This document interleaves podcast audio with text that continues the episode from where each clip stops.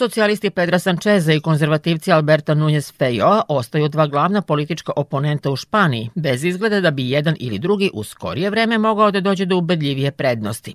U političkoj trgovini sa mnogo nepoznatih, obe glavne stranke, Socijalistička radnička partija i Narodna partija, četiri meseca su tapkale u mestu, sve do za špansku javnost šokantne odluke socijalista da ustupcima pridobiju glasove baskijskih i katalonskih separatista.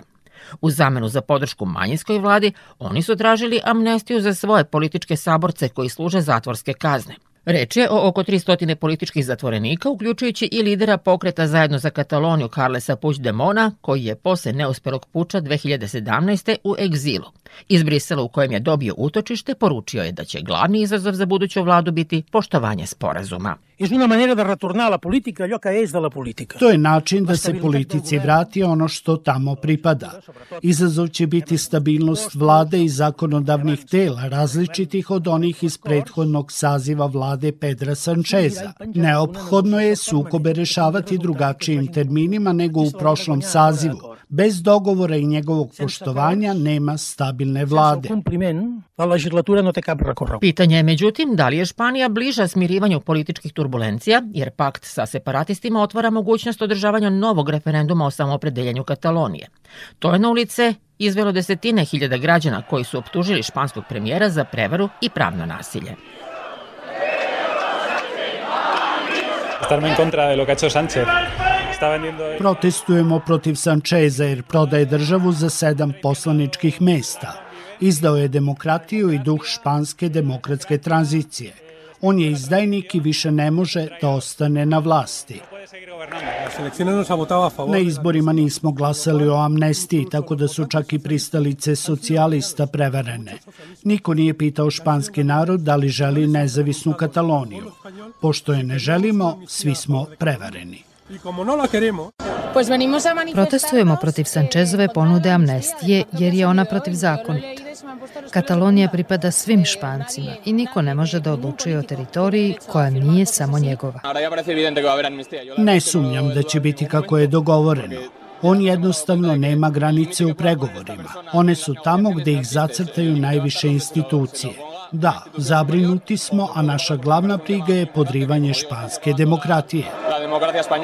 U grozničavoj atmosferi na ulicama koje je preplavilo nasilje ekstremnih desničarskih grupa, glavni rival Sančezovih socijalista, lider konzervativac Alberto Núñez Fejo, amnestio je izjednačio sa izdajom. Son ellos, pues, Postoje oni koji bi da odobre amnestiju protiveći se zakonima i ugrožavajući bezbednost. Mi se tome protivimo. Znate li zašto? Zato što branimo vladavinu prava i demokratiju.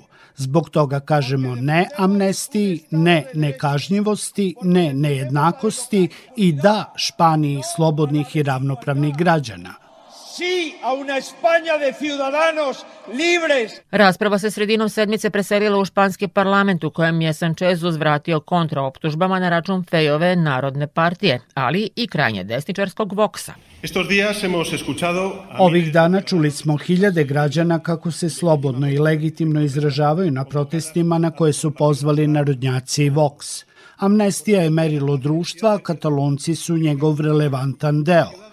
Katalonija ima veliki broj zastupnika i u ovoj instituciji.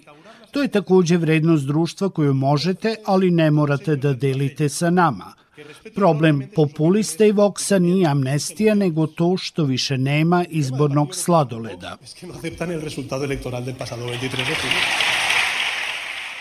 Španski premijer nije odgovorio na ključne kritike koje se odnose na mogućnost referenduma o samoopredeljenju. One su i tekako opravdane imajući u vidu krehkost nove vlade. Za Radio Novi Sad objašnjava naučni saradnik Instituta za evropske studije i stručnjak za iberoamerički prostor Rajko Petrović. Tu je problem i u tome što će svako naredno glasanje u parlamentu Španije po bilo kom važnom pitanju zavisiti od a, direktne podrške katalonskih secesionista, a koji su jasno najavili da je njihov sledeći korak, odnosno njihov sledeći zahtev to da država Španija dozvoli održavanje referenduma o nezavisnosti Katalonije. Epilog političkog nadmodrivanja na Pirinejskom poluostrvu pokrenuo je ofanzivu evropskih konzervativaca, čiji je šef Manfred Weber ušao u borbu na tom frontu, zahtevajući stav Evropske komisije i insistirajući na tome da amnestija osuđenih separatista podriva nezavisnost španskog pravosuđa i otvara put sličnim težnjama. Na reakciju Brisela nije se dugo čekalo. Institucije Evropske unije su zvanično zatražili ovih dana objašnjenje od Pedra Sančesa šta će ta to davanje amnestije, odnosno pomilovanja katalonskih separatista značiti u praksi, jer unutar Evropske unije postoji veći broj regiona koji bi hteli da krenu putem Katalonije, od Veneta u Italiji preko Flandrije u Belgiji i tako dalje. Tako da je to za Evropsku uniju jako bitno pitanje, ali mišljenja sam da će Evropska unija biti faktor koji će e, dodatno jačati ove snage koje su protiv bilo kakvog pokušaja raspada Španije. Ne zaboravimo da je Josep Borelj i katalonac i španac po svom nacionalnom opredeljenju i neko ko je poznat kao borac za jedinstvo Španije. Iako je iznuđen tolerantni stav nove vlade u Madridu prema separatistima, vodi do pitanja njene spoljne politike u buduće. Da li bi Španija, koja ne priznaje samoproglašenu nezavisnost Kosova, mogla da promeni taj stav? Sagovornik Radio Novog Sada ne očekuje da se to desi. Do sada e, španska politika prema pitanju Kosova i Metohije je bila prilično jasna i sastojala se od toga da Španija poštuje e, principe međunarodnog javnog prava i ne priznaje takozvane unilateralne, odnosno jednostrane secesije, koje nisu rezultat dogovora između državne centralne vlasti pobunjenog regiona. S obzirom da to nije slučaj e, ovde kod nas, mislim da će Španija i dalje zadržati čvrst kurs nepriznavanja takozvanog Kosova i da je prošle godine posetivši našu zemlju, Pedro Sanchez to jasno i podvukao. To je, podsjeća Petrović, važno pitanje i za Špance.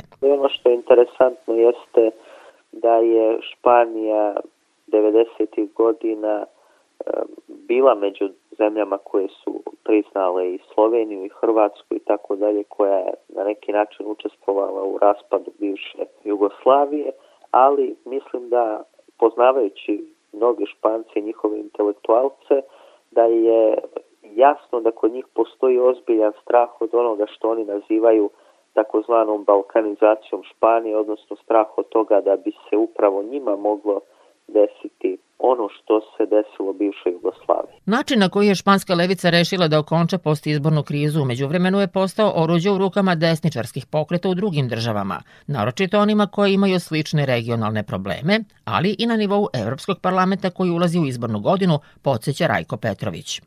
Za očekivati je da će mnoge desničarske partije širom Evropske unije biti poučene ovim iskustvom Španije i da će na taj način pokušati da objasne svojim biračima da će glas za njih značiti izbegavanje takve vrste scenarija. Naravno, izbori za Evropski parlament isto tako bit će važni jer oni su često prilika da neke e, krajnje opcije, bilo leve, bilo desne, dobiju veći broj glasova nego što to dobijaju na nivou parlamentarnih izbora u svojim zemljama. Dok dva tabora nastavljaju da razmenjuju udarce, španska politička arena ostaje u fokusu njenih saveznika. Na prvi pogled, ta borba je nalik onima koje smo videli u drugim evropskim zemljama u kojima su izbori pokazali polarizaciju društava. Pa zašto je onda Španija privukla više pažnje od ostalih? Španija je jedna od najvećih zemalja članica Evropske unije i zaista nestabilnost u njoj može da proizvede i neku širu evropsku nestabilnost, posebno što je reč o zemlji koja u svakom smislu predstavlja deo takozvanog kolektivnog zapada i mislim da će sve zemlje zapadne alijanse, uključujući Sjedinjene američke države, biti zainteresovane da daju svoj doprinos da se situacija u Španiji stabilizuje, jer veliki problem predstavlja i činjenica i to treba reći da se um, svake noći u poslednjih desetak dana ispred sedišta Socijalističke partije Španije u Madridu održavaju protesti nekih neidentifikovanih krajnje desnih grupa koje salutiraju fašističkim, odnosno nacističkim pozdravima, pevaju pesme iz doba diktature Franciska Franka, sukobljavaju se nasilno sa policijom. Mislim da je to opasna slika koja se šalje širom Evrope i sveta, a dolazi, da kažemo, iz srca Evropske unije i da Evropska unija tu mora pokušati da nađe način da da svoj doprinos da se tamo situacija stabilizuje. Da, previranje u Španiji nisu ni blizu smirivanju moglo se videti pre dva dana, kada su poslanici socijalista prilikom dolaska u parlament bili gađani jajima. Takođe, delegatima je savjetovano da vode računa o ličnoj bezbednosti. Ubrzo po potvrdi novog mandata Pedro Sančezu stigao je i prvi nagoveštaj krehkosti njegove nove vlade, u kojoj široki levičarski savez Sumar zahteva svoj deo vlasti. To Španiju čini političkim bojnim poljem koje ostaje aktivno. Sektor Plus. Svet sa naslovnice.